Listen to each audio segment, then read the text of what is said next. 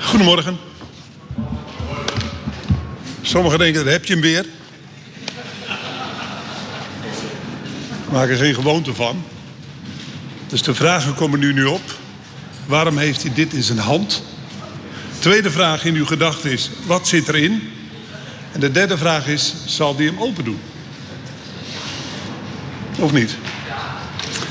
Nou, ik eh, wil iets aankondigen voor 14 oktober en dat staat hierop. Vorig jaar hebben we in alle twaalf provincies een gebedswandeltocht gehouden van 2 tot half 4. Half 2 tot half 4. Toen zijn we geëindigd op de knieën om uh, het Onze Vader te bidden. En dat gaan we dit jaar weer doen op 14 oktober. En dit is het thema. En nou heb ik weer twee mensen nodig die een studie hebben gevolgd. Het uitdraaien van uh, zo'n poster. Mag ik twee mensen vragen even mij te helpen, deze oude man? Zijn de jonge mannen? Nee, die zijn er niet. Jawel. Ja, kom maar, kom maar, kom maar, jullie. Kijk eens aan, dat zijn de mannen, hè? Dat zijn de mannen. Hey, hey, hey. Heren, zijn jullie in staat om deze rol uit te rollen? Helemaal. Je, hebt geen studie voor Nou, ga een poging wagen. Lukt het niet, dan uh, hebben we dinsdag nog een, een herexamen. Hier. Anders moet je deze kant. Kijk dan. Ja? Kijk eens aan, dit is een creatieve manier van. Kijk. Lukt het? Even hoog houden. Wat staat er? Wilt u... Ja, dat is uitstekend. Blijf staan zo. Zo'n half uur. Blijf een half uur staan. Kunt u allemaal even hardop het thema van deze gebedswandeltocht uh, uitspreken? Nou, dat is al duizenden keren, duizenden, misschien wel honderdduizenden keren nu uitgesproken. Dus in de geest, noemen we dan, ligt dat vast. Rol in maar weer keurig netjes op, want ik zie dat jullie een intellectueel en creatieve vermogens hebben die ongekend zijn. Even kijken hoe ze dat doen. Mooi.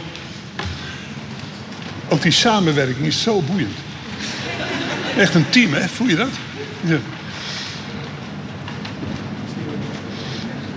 Nou, ik ga jullie denk ik inhuren.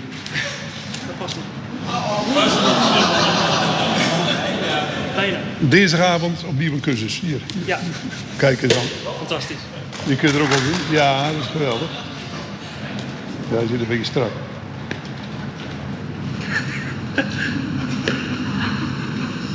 Mooi samen. Uitstekend, ja. ja. Je loon is groot in de hemel. Dat is altijd het voordeel natuurlijk, ja. Ja. Nee, ik nodig u uit op 14 oktober om half twee in het centrum van Zwolle te zijn. Wie een oor heeft, die horen. We gaan niet dwingen, maar gewoon, of dwingend spreken, maar gewoon als het in uw hart is. Kent u dat? Als het in uw hart is en u hebt tijd. Half twee staan we weer in Zwolle, half twee.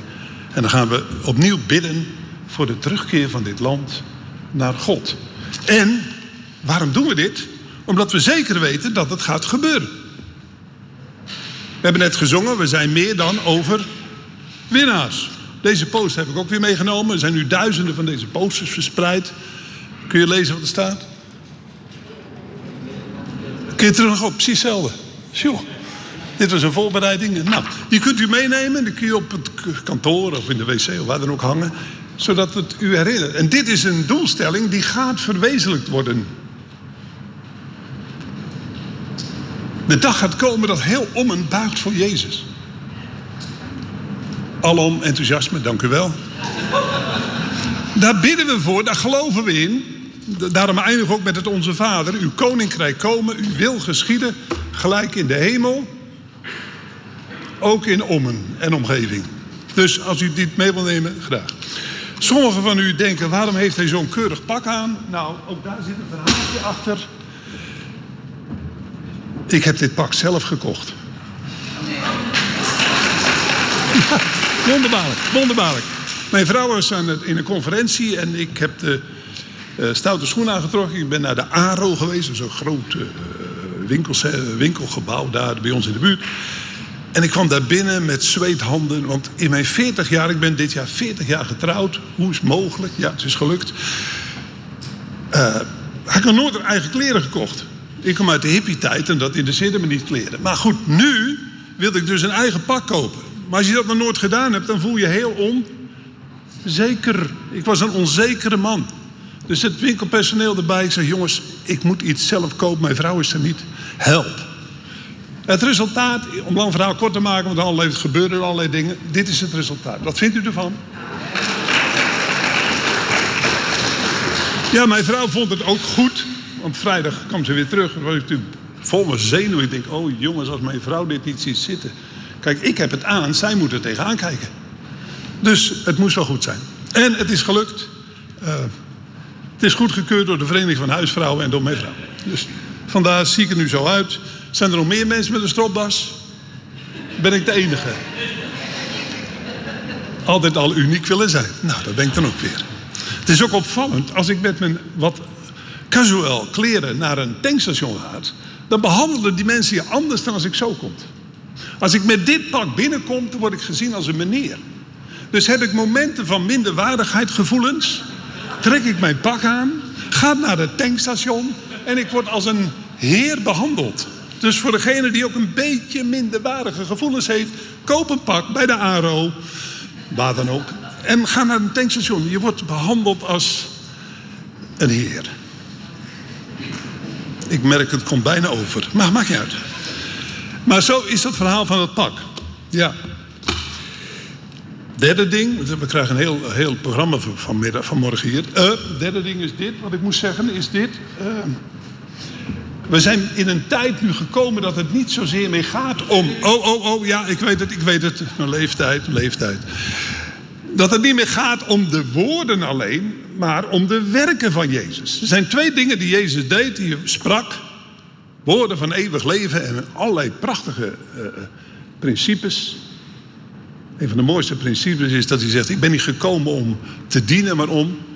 Ik ben niet gekomen om gediend te worden, maar om te dienen. Nou, prachtig woord, zo zijn er tientallen van die principes. Maar zijn woord, zijn autoriteit werd bevestigd door zijn werken.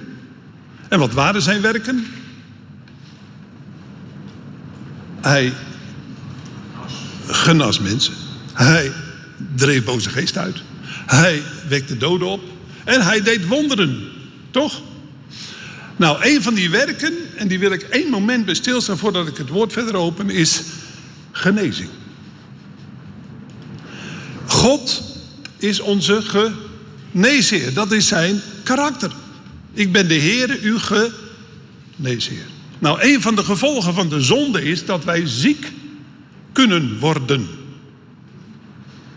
Ik denk niet dat er iemand is hier die volledig gezond is. Of wel? Nou, zover je weet. Nou, een van de dingen die Jezus deed was genezen. En ik wil het ware één minuut nemen om dat we onze lichamen, hoe ze ook in elkaar zitten, dat een moment dat aan God opdragen, want het ziekte heeft te maken met je lichaam, natuurlijk ook je hebt innerlijke ziekte, geestelijke ziekte, emotioneel enzovoort, maar dit gaat even over de fysieke kant. Dat God zijn genezende kracht ook vanmorgen gewoon in uw lichaam en in mijn lichaam wil bewerken. Als je bidt, zul je ontvangen. Dus ik wil een gebed bidden voor genezing en dan kunnen er drie dingen gebeuren. Terstond kunt u genezen worden. Zou God daartoe in staat zijn? Amen. Hebreeën 13 zegt, hij is gisteren, heden en tot een eeuwigheid dezelfde. Dus op dit moment kan hij u genezen. Kan. Je ziet ook dat er een proces kan plaatsvinden van genezing. Als je bidt, gaat er altijd iets gebeuren. En sommige mensen die baden voor genezing, die zijn gestorven. Zijn ze dan niet genezen? Jawel, in de hemel zijn ze genezen. Dus de genezing is er altijd. Het is inherent aan Gods karakter en aan Gods woord. En aan de opdracht die Jezus vervult. Dus hij is dezelfde en ook vandaag uh, wil ik als het ware in één minuut stil zijn even dat u ontvangt de genezende werkelijkheid van Jezus. Niet alleen zijn vergevende, maar ook zijn genezende. Bent u er open voor? Eén minuut? Zal ik bidden. Heer, we danken u voor uw genezende kracht, die er altijd is. U bent bezig om de schepping te helen, en dat is een heel groot woord. En u kwam op aarde om individuele mensen ook te genezen van hun ziekte en kwalen. En Heer, als we hier zo staan met z'n allen of zitten, dan hebben we allemaal gebreken in ons lichaam. Maar u zegt, ik ben de Heer, uw geneesheer. En ik bid zo nu op dit moment dat uw genezende kracht onze lichamen zal doorstromen. Vader, zo heeft u het bedoeld om al die gebrokenheid op te lossen in uw zoon. Niet alleen kwam hij om woorden te spreken, maar om daden te doen. En een van die daden is genezing van onze lichamen. We zegenen uw naam, Heer. En we danken u voor wat u ook op dit moment doet.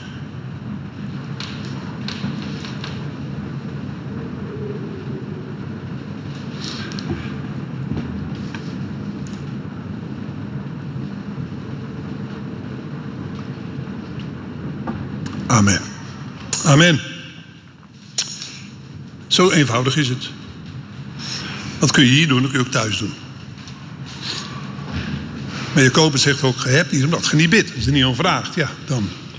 Uh, als je zegt... Uh, als je mij vraagt, wil je even komen? Als je het niet vraagt, kom ik niet. Toch? Ja, ik kan wel komen, maar dan... Je bent even je laat. Oh, water. Oh, we zouden bijna een pauze in moeten lassen zometeen. Want ik ga zo twee uur door natuurlijk. En u bent er helemaal klaar voor. Nee, niet helemaal, maar dat komt wel. Komt wel. Ik heb hier een uh, Bijbel voor mij en ik wil één vers lezen uit Micha hoofdstuk 6. Micha hoofdstuk 6 is vandaag aan de orde. Ik heb getwijfeld met twee andere gedeeltes die ik zou willen delen met u, maar ik kwam toch maar uit op deze. Soms is het een worsteling om te weten wat is nou precies nodig voor deze morgen. Nou, over die genezing, dat moet u echt aanvaarden, want ik geloof dat God dat zegt. Dat je mag toelaten, wat je ook hebt, dat zijn genezende kracht altijd aanwezig is. Maar Micha 6 uh, zegt in vers 8.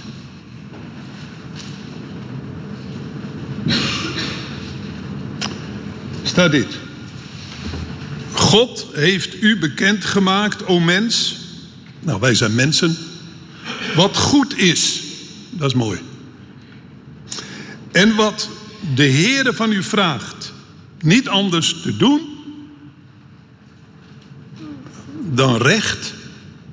En getrouwheid lief te hebben. En ootmoedig, oftewel nederig, te wandelen met uw God. Tot zover.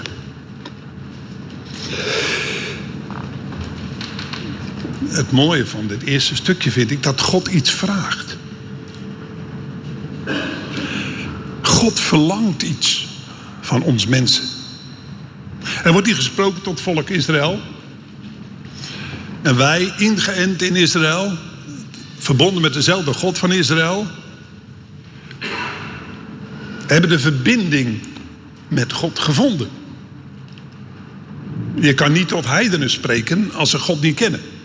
Die snappen er niks van. Dan kan God ook niet direct wat vragen. Ja, bekeer je, zoals we dat doen eh, op 14 eh, oktober. Keer terug, Nederland. En het is wonderbaarlijk, als we hier zo zitten vanmorgen... is Gods geest bezig buiten deze, dit gebouw heen... mensen te trekken naar hem toe. Dag en nacht. En er komen mensen vandaag tot geloof. Duizenden. Maar als je tot geloof bent gekomen, dan kan God iets van je vragen. De manier waarop God werkt zegt iets van zijn wezen. Hij vraagt iets. Hij dwingt je niet. Hij roept. Dat is een eigenschap die heel boeiend is. Eh, als een mens iets van je vraagt, zou je dit willen of zou je dat willen? Is dat een karaktereigenschap vanuit een zachtmoedige en een barmhartige geest?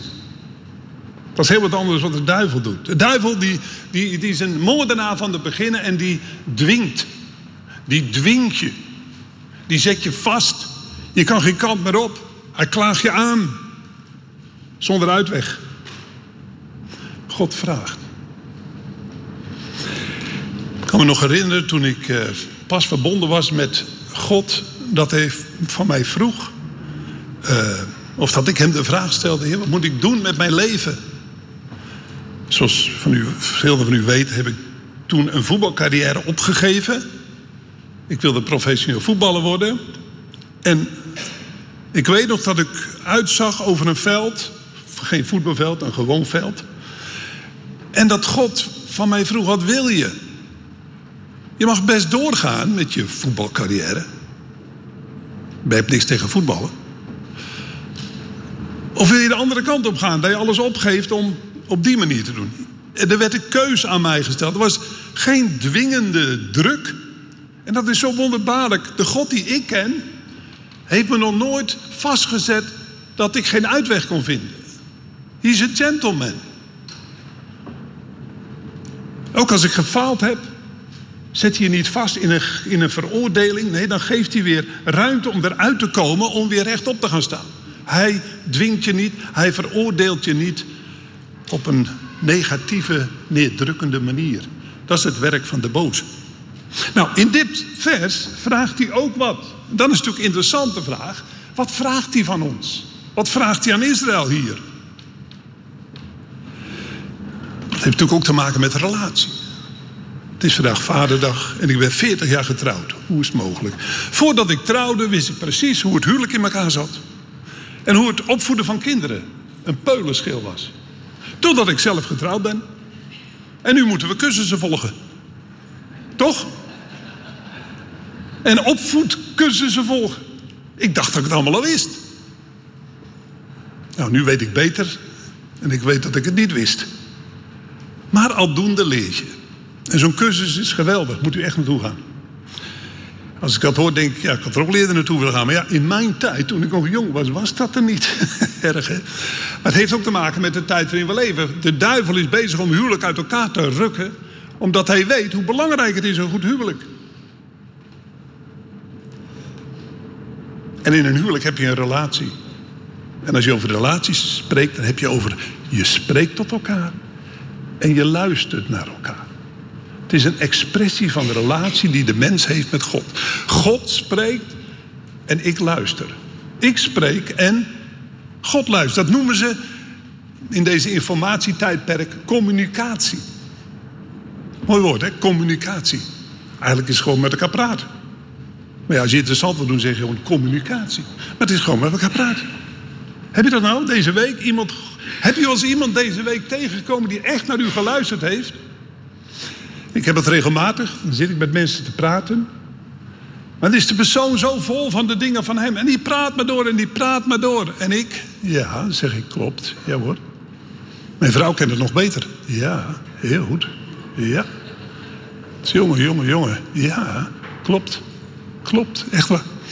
Dus aan het eind van het gesprek zegt hij: Wat hebben we toch een geweldig gesprek gehad? Nee, hij heeft gesproken en ik heb alleen maar geluisterd. Voor hem was het een goed gesprek. Maar een goed volwassen gesprek is dat jij praat tegen mij, dat ik weer terug zeg: Ik luister naar je. Ik luister naar je. En daarvanuit praat ik weer en reageer ik weer. En zo ontstaat er communicatie. Een goed gesprek. Een van de redenen waarom huwelijken fout gaan, is dat ze niet met elkaar meer kunnen communiceren of gewoon met elkaar kunnen spreken en luisteren. Moet je leren.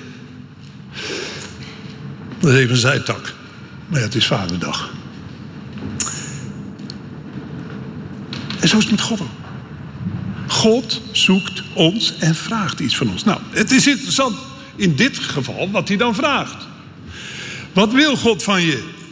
Als je tot geloof bent gekomen. Nou, ik noem hier drie eigenschappen die naar voren komen. Het eerste is recht doen. Staat hier. Recht moet je doen.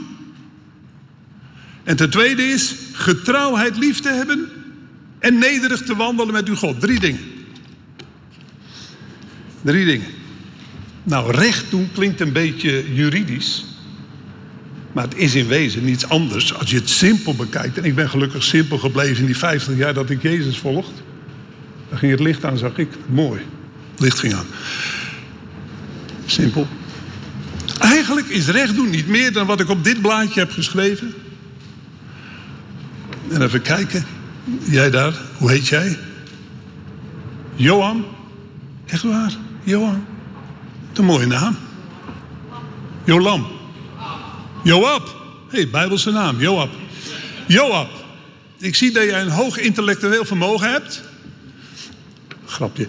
Kun je dit lezen? Of staat hij op zijn kop? Oh, ik heb de verkeerde. Sorry. Heerlijk hè, dat fout gaat. Hier, wat staat hier? Eerlijk. Eigenlijk is het woord recht. Kun je allerlei dingen omheen draaien, maar eerlijk zijn. Oeh. Wie is er hier volkomen eerlijk? Ik niet. God vraagt: wil je eerlijk zijn? Wil je recht doen? Eerlijk naar jezelf en eerlijk naar buiten. Naar de omgeving. Naar de grote wereldproblemen. Wat staat er tegenover eerlijkheid? Als je niet eerlijk bent, dan lieg je. Weet je, misschien zal het hier om niet gebeuren, maar mensen kunnen liegen. Ja, u niet, maar mensen daarbuiten, die kunnen liegen. Hoe kan dat nou? Ieder van ons die hier zit, heeft van nature de neiging. Nee, ik zeg het verkeerd. Ieder van ons heeft in zich een leugenaar. Waar haal ik dat vandaan? Uit mijn eigen gedachtenspinsels? Nee, dat staat in de Bijbel. Ons hart is arg, listig. Hij draait, hij zoekt wegen om zichzelf te verheffen of zichzelf te rechtvaardigen. Zeker als hij in de druk komt. Weet je je dat ook ziet? Zelfs bij onze politici.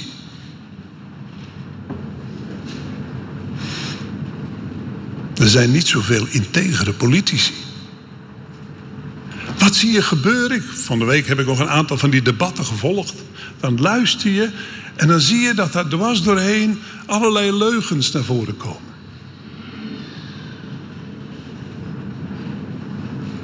Waar komt dat vandaan? Dat zit in de natuur van ons menselijk zijn. Wie is de oorsprong van die leugens die ons infiltreren? De duivel, we hebben over gezongen net. Hij is de vader der leugen. De vader der leugen injecteert mensen. Dat deed hij van in het begin en dat doet hij nog. U heeft in uw hoofd, in uw hart, in uw spreken, in uw bezig zijn, evenals ik, vaak gelogen.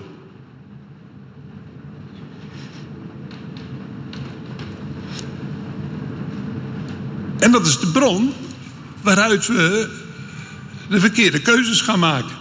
Wat kwam Jezus doen? Jezus zegt: Ik ben de weg en de waarheid. De waarheid staat tegenover de leugen. Nou, wat God wil, lezen we hier. Hij wil dat we eerlijk worden. Dat we de waarheid spreken. En zoals Jezus zegt, Johannes 8, de waarheid maakt je vrij. Vrijheid is iets waar mensen naar snakken. We hebben de oorlog meegemaakt, de bevrijdingsfeesten. Maar echt, de bevrijdingsfeest zit van binnen. Als we eerlijk worden voor ons aangezicht. En dat is niet makkelijk. Gaat u het maar eens proberen om volkomen eerlijk te zijn. Dat moet je leren. Ik vind het niet makkelijk. Zeker als je onder druk komt.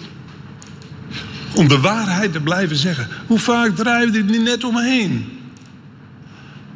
Om net iets of om onszelf beter voor te doen. Of noem maar op. God wil waarachtige mensen. Jezus was waarachtig. Hij kwam voort uit de waarachtige. Dus God vraagt van ons om te groeien in eerlijkheid. En deze week krijgt u net zoals ik genoeg momenten om dat te leren. Als ik dat tenminste wil. Dat is de eerste. Eerlijkheid. Je hebt goed geantwoord, Joab. De goede hier. Ja, eerlijkheid. En dat heeft natuurlijk ook te maken met eerlijk te zijn naar buiten toe. Hoe ga je om met je omgeving? Passen we ons aan? Of brengen we het recht waar hier over gesproken brengen we het recht. Wat is recht naar buiten toe? De wereld is vol van draaierijen en leugens. Als u de politieke wereld alleen al volgt, en die volg ik, dan zie je zoveel leugens en bedrog over je heen komen. Dan denk je, in wat voor wereld ben ik terechtgekomen? De ene leugen naar de ander stapelt zich op. Wanneer worden we eerlijk? Als Jezus in je leven komt. Hij moet je leren. Want wat is eerlijkheid? Wat is echt recht? Dat echte eerlijkheid vind je terug bij God en zijn woord. Zijn woord van de waarheid. Wij weten niet meer wat waarheid is. We weten niet meer wat eerlijk is. We moeten het leren. Vanuit onze gevallen staat groeien in de waarheid. En daarom moet je de Bijbel lezen. En daarom zegt God: Kom nou. Zoals hij tegen Israël, die in de verwarring zat. En vol waren met afgoden en leugens en bedrog. En zichzelf naar beneden stort, als ware, moreel en geestelijk. Zegt God in Jezaja 65, kom nou. Laat mij nou niet staan, want ik heb zoveel aan je te geven. Ik wil dat je een mens is die recht staat. Ik wil dat je een mens wordt die recht doet. De verandering begint niet aan de buitenkant, maar dat begint van binnen. Nou, dat is het eerste wat ik zou willen zeggen over recht doen. Ik heb er nog één. Oh ja, ik één. Hoe heet jij? Jessie? Eslin. 71 en dan heb ik al mijn linkeroor, doet het niet helemaal goed meer. Nog een keer harder. Hesley. Hesley. Wat staat hier? Trouw. Mooi. Wat moet je met trouw doen, staat in dit gedeelte. Trouw moet je omarmen. We lezen hier. Getrouwheid lief te hebben. Liefhebben.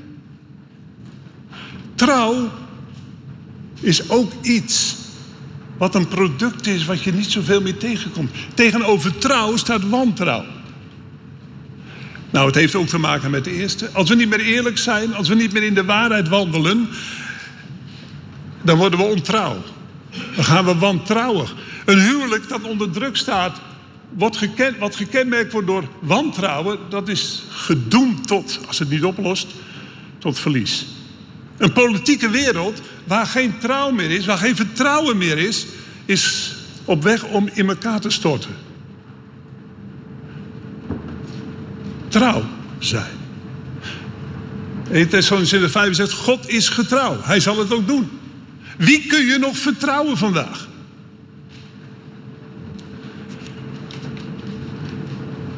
Ik ben 40 jaar getrouwd, zoals ik net al zei. En ik vertrouw mijn vrouw volkomen. Waarom? Ze heeft dat getoond. Door haar daden, door haar woorden, door haar zijn. Trouw bouw je op. En als je gaat merken, die trouw die er is, dan ga je dat omarmen. Dan ga je het lief krijgen. Trouw zijn in het huwelijk. Trouw zijn als werknemer. Trouw zijn als vader, als moeder. Trouw zijn als kind. Trouw zijn. Trouw is een prachtige eigenschap uit het hart, uit de eigenschappen van God. Maar de Bijbel zegt ook, trouw vind je niet bij een ieder. Waardoor verliezen wij de trouw en zelfs omarmen we het helemaal niet, omdat wij in een omgeving zitten van wantrouwen. Het is een gevolg van de zonde die ons land en de wereld teistert. Een derde van de huwelijken worden ontbonden in deze tijd. Dat is trouweloos. En natuurlijk zijn er altijd pastorale leden waarom dat geschiet. Maar in wezen is er een vertrouwenskwestie. Is er een vertrouwenscrisis. Ook in die grote wereld. Vandaag zit de minister van Buitenlandse Zaken binkend bij, bij, bij, bij hoe heet die man? Xi in China. Want de spanningen zijn er tussen Amerika en tussen China. Ook vanwege Taiwan en de Oekraïne. En al die verdragen zijn vaak gebaseerd niet op trouw. Je kan ze niet vertrouwen. Het verdrag, ene verdrag wordt gesloten, het andere wordt weer geschonden. Omdat er geen vertrouwen is. Stel je voor een samenleving vol met mensen die elkaar vertrouwen. Die de trouw hoog in hun vaandel hebben. En ik praat niet alleen over het huwelijk, maar ook gemeenteleden. Hoeveel mensen zijn niet van de ene gemeente naar de andere gegaan? Het wordt wat moeilijker en dan gaan we naar een andere gemeente toe. Dat zijn gemeentehoppers. En natuurlijk zullen ook altijd redenen zijn waarom. En dat moet je persoonlijk bekijken. Maar het is ook belangrijk om trouw te zijn in je gemeente.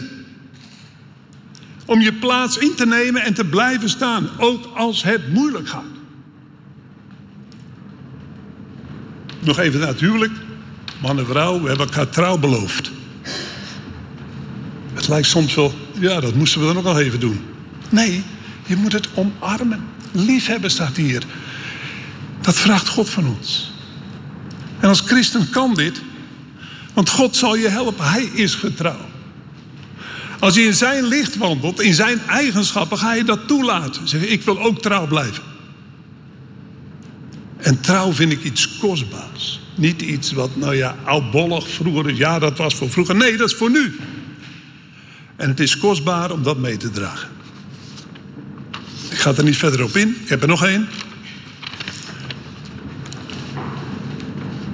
Wilt u voorlezen wat hier staat? Nederig. Nederig. Heerlijk woord, hè? Nederigheid. Dat vraagt God van je. Het ouderwetse woord staat hier ook moet. Wat betekent dat nou? Nederig. God wederstaat de hoogmoedige, maar de nederige geeft die genade. Nederigheid. Jezus zegt, ik ben zachtmoedig en nederig van hart. En God wil dat wij worden zoals Hij, omdat dan het opperste geluk naar boven komt. Want als je wordt zoals God, dan ben je in een volmaakte geestelijke en praktische situatie waarin je gelukkig kan worden. En wat is niet wat de mensen zoeken? Geluk, vrijheid is te krijgen. En nederigheid is een onderdeel daarvan. Wie is er nederig? Ook in het onderwijs van Paulus wordt vaak geschreven, zegt, uh, uh, dient elkander, onderwerp je aan elkander, wees nederig naar elkaar toe. En theoretisch weten we het wel, maar in de praktijk. Ook weer zoiets wat niet bij ons past. Wat staat tegenover nederigheid? Een oerzonde. Wat is de oerzonde van de mens? Hoogmoed. Trots. Ik maakte een grapje met mijn zoon vanmorgen via de WhatsApp. Hij zegt: Succes, pa, met het spreken over nederigheid. Mijn zoon. Ik zeg: Ik ben er zo trots op. Hij snapte het niet. Hij snapte het niet. Die hoogmoed is zo erg. Door hoogmoed ontstaan oorlogen. In het klein en in het groot. Ik ben beter dan jij. Ik ben sterker dan jij. Ik ben groter dan jij. Daar heb ik er geen moeite mee, want dat ben ik. Maar in ieder geval, hoogmoed, hoogmoed. Stoerzonde. Wij willen worden als God. Jezus kwam dat doorbreken. Door te zeggen, ik ben nederig. En ik wil, vraag God, willen jullie ook nederig worden? Oeh, hebben we direct een probleem. Heel veel crisis ook in gemeentes door de geschiedenis heen kwam voort niet uit soort theologische beschouwingen. Nee, al die kerkgenootschappen zijn niet ontstaan door allerlei theologen, theologen die de waarheid uh, dachten te spreken, maar door karakters die botsen. En de kern, hoogmoed, trots. En je vindt het overal. Het is een virus. Je zit in de huwelijken, in de gezinnen. En dat moet eruit, zegt Jezus. Daarom kwam ik ook. Was je antwoord erop? Want je kent al die problemen wel, dat vind ik ook altijd zo interessant. Als je het journaal leest, dan hoor je het ene probleem naar het andere. Maar ik ben veel meer geïnteresseerd in het antwoord. Wat voor antwoord hebben jullie dan? Daarom stonden we ook, ik heb de vorige keer laten zien, op de Dam. Zij zullen de oorlog niet meer leren. Dat is Gods antwoord op de nood van de wereld die er vandaag is. En God heeft antwoorden. Nou, hij heeft een antwoord op onze hoogmoed. Leer om nederig te zijn. Weet u waar God woont? In Jezaja 57 staat, God woont in de hoge en is verhevene. En bij de gebroken en nederige van hart. Hier, is mijn hart nederig? Hebben we direct een probleem. Ja, misschien kijkt u me nu aan en zegt... ah, die broeder is, lijkt me wel aardig nederig. Vond je niet? Zeg maar ja. Ik ben toch aardig nederig. Mijn vrouw dacht het ook, dat ik heel nederig was. En mijn kinderen nog meer. Totdat het een beetje strijd werd. Hoe gedraag je in tijden van crisis en dat het moeilijk gaat? Dan komt het erop aan. Het is mooi om hier vanmorgen nederig te zitten. Maar straks moet je weer uit. Moet die wereld weer in. Wat wil ik hiermee zeggen? Ja, nederigheid hoort bij ons. Vraag God vraagt het van je. Hij wil het in je bewerken. Hoe doet hij dat?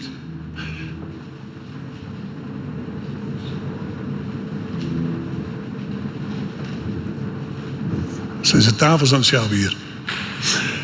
Tot slot, drie dingen. Ten eerste, je moet weten dat nederigheid een eigenschap is van God. En hij wil, dat wij, hij wil dat wij nederig worden. Waar vind ik dat? Ja, dat vind ik in de Bijbel. Christenen zijn nederige, dienstbare mensen. Dus je moet het weten. Als je het niet weet, dan kun je er ook niks aan doen. Nou, ten tweede is, als je het weet, dan moet je gaan toepassen. En dat doen wij dan door middel van gebed. Stel dat u hier zit, ik ben zo hoogmoedig als wat. En die broeder vorige heeft over gesproken. En ik merk, ik ben zo hoogmoedig. Het vernietigt, ja, sommige mensen dat echt, die vernietigt je leven. Vernietigt de omgeving door hoogmoed. En die komt naar voren toe, dan gaan we je bidden.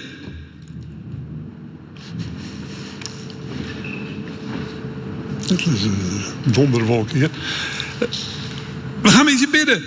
En natuurlijk, gebed is belangrijk. Die kan je aanraken dat je innerlijk verandert. En dat gebeurt ook. Maar de derde, daar wil ik mee afsluiten, dit gedeelte. De derde is in de praktijk. Je leert nederigheid in het dagelijks leven. Ik ga je twee voorbeelden geven, kort. Ik woon naast een buurvrouw, een geweldige buurvrouw. Maar dat lieve mens heeft vier honden. En dan zit ik in de tuin. En het zijn geen rustige honden. Ik heb een, op zijn minst gezegd, enige weerzin tegen honden. Sorry voor de hondenliefhebbers. Maar ik ben in mijn jeugd door honden achterna gezeten. Dus ik zit al met een trauma van honden. Hondentrauma heb ik. Nou, dan zit ik in de tuin. En onze buurvrouw, die heeft geen kinderen. En de man hebben we vorig jaar of twee jaar geleden naar het graf gebracht.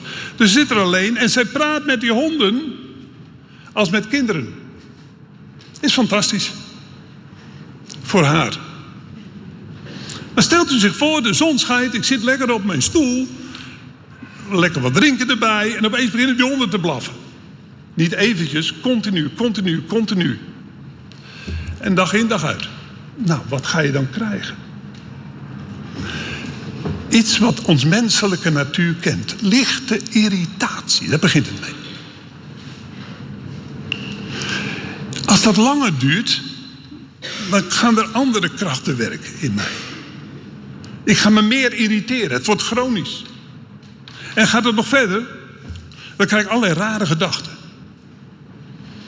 Tot in de essentie zou ik die honderd wel. Ik heb ze al 16 keer doodverklaard. Ik heb al gif willen gooien over de. Het mag allemaal niet, maar ik zeg het maar eerlijk. Ik wil dat ze ophouden met dat geblaf. Ik heb al drie keer de rijdende rechter willen bellen. Kent u de rijdende rechter? Het is fantastisch. Ik, ik heb een paar van die afleveringen gezien. Dan zie je de menselijke natuur helemaal naar boven komen. Hoe mensen botsen met elkaar in een gigantische, egoïstische, zelfrechtvaardige en, en, en, en duidelijk geen nederige houding met elkaar om dingen op te lossen. Nee, de meest gruwelijke dingen komen in dat programma. Als ik in zo'n stemming ben, af en toe, dan kijk ik eens en dan hoor ik, denk, oh my god, waarom moet Jezus komen? Ja, daarvoor. Nou, ik heb precies hetzelfde. Nou, nogmaals, ik heb niks tegen mijn buurvrouw, maar wel tegen de honden en hun gedrag. dan kom je tot een punt. Hoe ga je daarmee om? Ik heb niet de rijdende rechter gebeld. Ik heb geen gif gegooid over mijn, eh hoe heet dat ding? Eh, hè? Zo'n zo, zo houten, zo'n ding. Schutting. Schutting. Ja, moeilijk woord, moeilijk woord. Schutting. Ze leven nog, die honden. Ze blaffen nog elke dag. Want ik kwam tot deze conclusie. Wat leer ik hiervan? Wat leer ik hiervan? Natuurlijk, ik kan stampij gaan maken en mensen erbij gaan halen. Die honden moeten stoppen. Ik kan ze doodmaken als ik wil. Als ik dat wil. Maar ik doe het niet. Ik leer om ermee om te gaan. Om een hart te hebben die ondanks dat ik me irriteer mateloos... dat ik toch leer te accepteren dat er naast mij vier honden blaffen. Ik merk bijna dat u wil gaan klappen, maar doe het maar niet. Maar zo leer je dus in de praktijk niet je vinger te wijzen naar die buurvrouw of naar die honden, maar naar mezelf. Wat doe ik ermee? Ik ben nog niet zo ver dat ik het helemaal accepteer. Ik heb wel van die, van die, van die ge- gele dingen op je kop. Die heb ik wel. Heb ik wel. Om eventjes bij te komen. Je moet er alleen een proces komen om het te leren natuurlijk. Je kan niet direct eh, een hart hebben. Oh, wat lief die honden. Oh, het lijkt het symfonie van Mozart wel wat ik nu hoor. Nee, nee, nee, nee. Nee, het is nu meer een soort, soort metal muziek van een chronische zanger. Wat een... ja, die blaffen heel apart. Ja. Dus praktisch. Ik ga dat andere voorbeeld maar niet geven. Dat kent u waarschijnlijk van mij al. De snelweg. Misschien wel. Op de snelweg leer je ook nederigheid. Zit je in de auto. Komt er iemand aan met 160. Wat ben ik geneigd te doen? Eventjes ervoor te gaan staan en even rustig aan te rijden. Om de mensen te helpen om zich aan de 100 kilometer te houden. Dat is natuurlijk iets een beetje niet helemaal goed. Als hij de 160 wil rijden, moet je zelf weten. Ik moet leren om te accepteren. Oké, ga je 160. Ik blijf rustig 100 rijden en ik leer daarvan. Zo zijn er talloze dingen in ons leven, in het dagelijks bestaan, waarin we onze gebeden tot vervulling zien komen als we het toe gaan passen. Tuurlijk is het goed om te bidden, maar je moet het weten, nederigheid en in de praktijk. Deze week krijgt u ongetwijfeld, net zoals ik, momenten dat je denkt, oef, misschien wel met een persoon of in een situatie, denkt, oh, heb je die weer? Kent u dat? Hoe ga je ermee om? Blijf je hart zacht? Word je nederig? Blijf je helpen? Of wijs je af? We leren. Dit vraagt God van ons. Eerlijkheid, recht te doen. Getrouwheid, lief te hebben. Niet alleen trouw zijn, lief te hebben. Dat je het geweldig vindt om trouw te zijn. En de derde, nederig te worden. En God weet de staardoogmoedige, met een nederige geeft hij genade. Laten we bidden. Vader, dank u dat u bezig bent ons te vormen naar het beeld van uw zoon Jezus. Met vallen en opstaan. In de Heer Jezus is dit allemaal aanwezig, maar in de praktijk nog niet. Moeten we het leren. Daarom bestaan we ook. Om zuiver te worden, om nederig te worden, om eerlijk te worden en om trouw te blijven. Vader, we danken u dat u ons de Heilige Geest geeft en uw woord, om daar ons, dat, dat u ons bijstaat om dat praktisch te maken. Niet alleen theorie, maar in de praktijk. We zegenen elkaar in dat proces. Amen.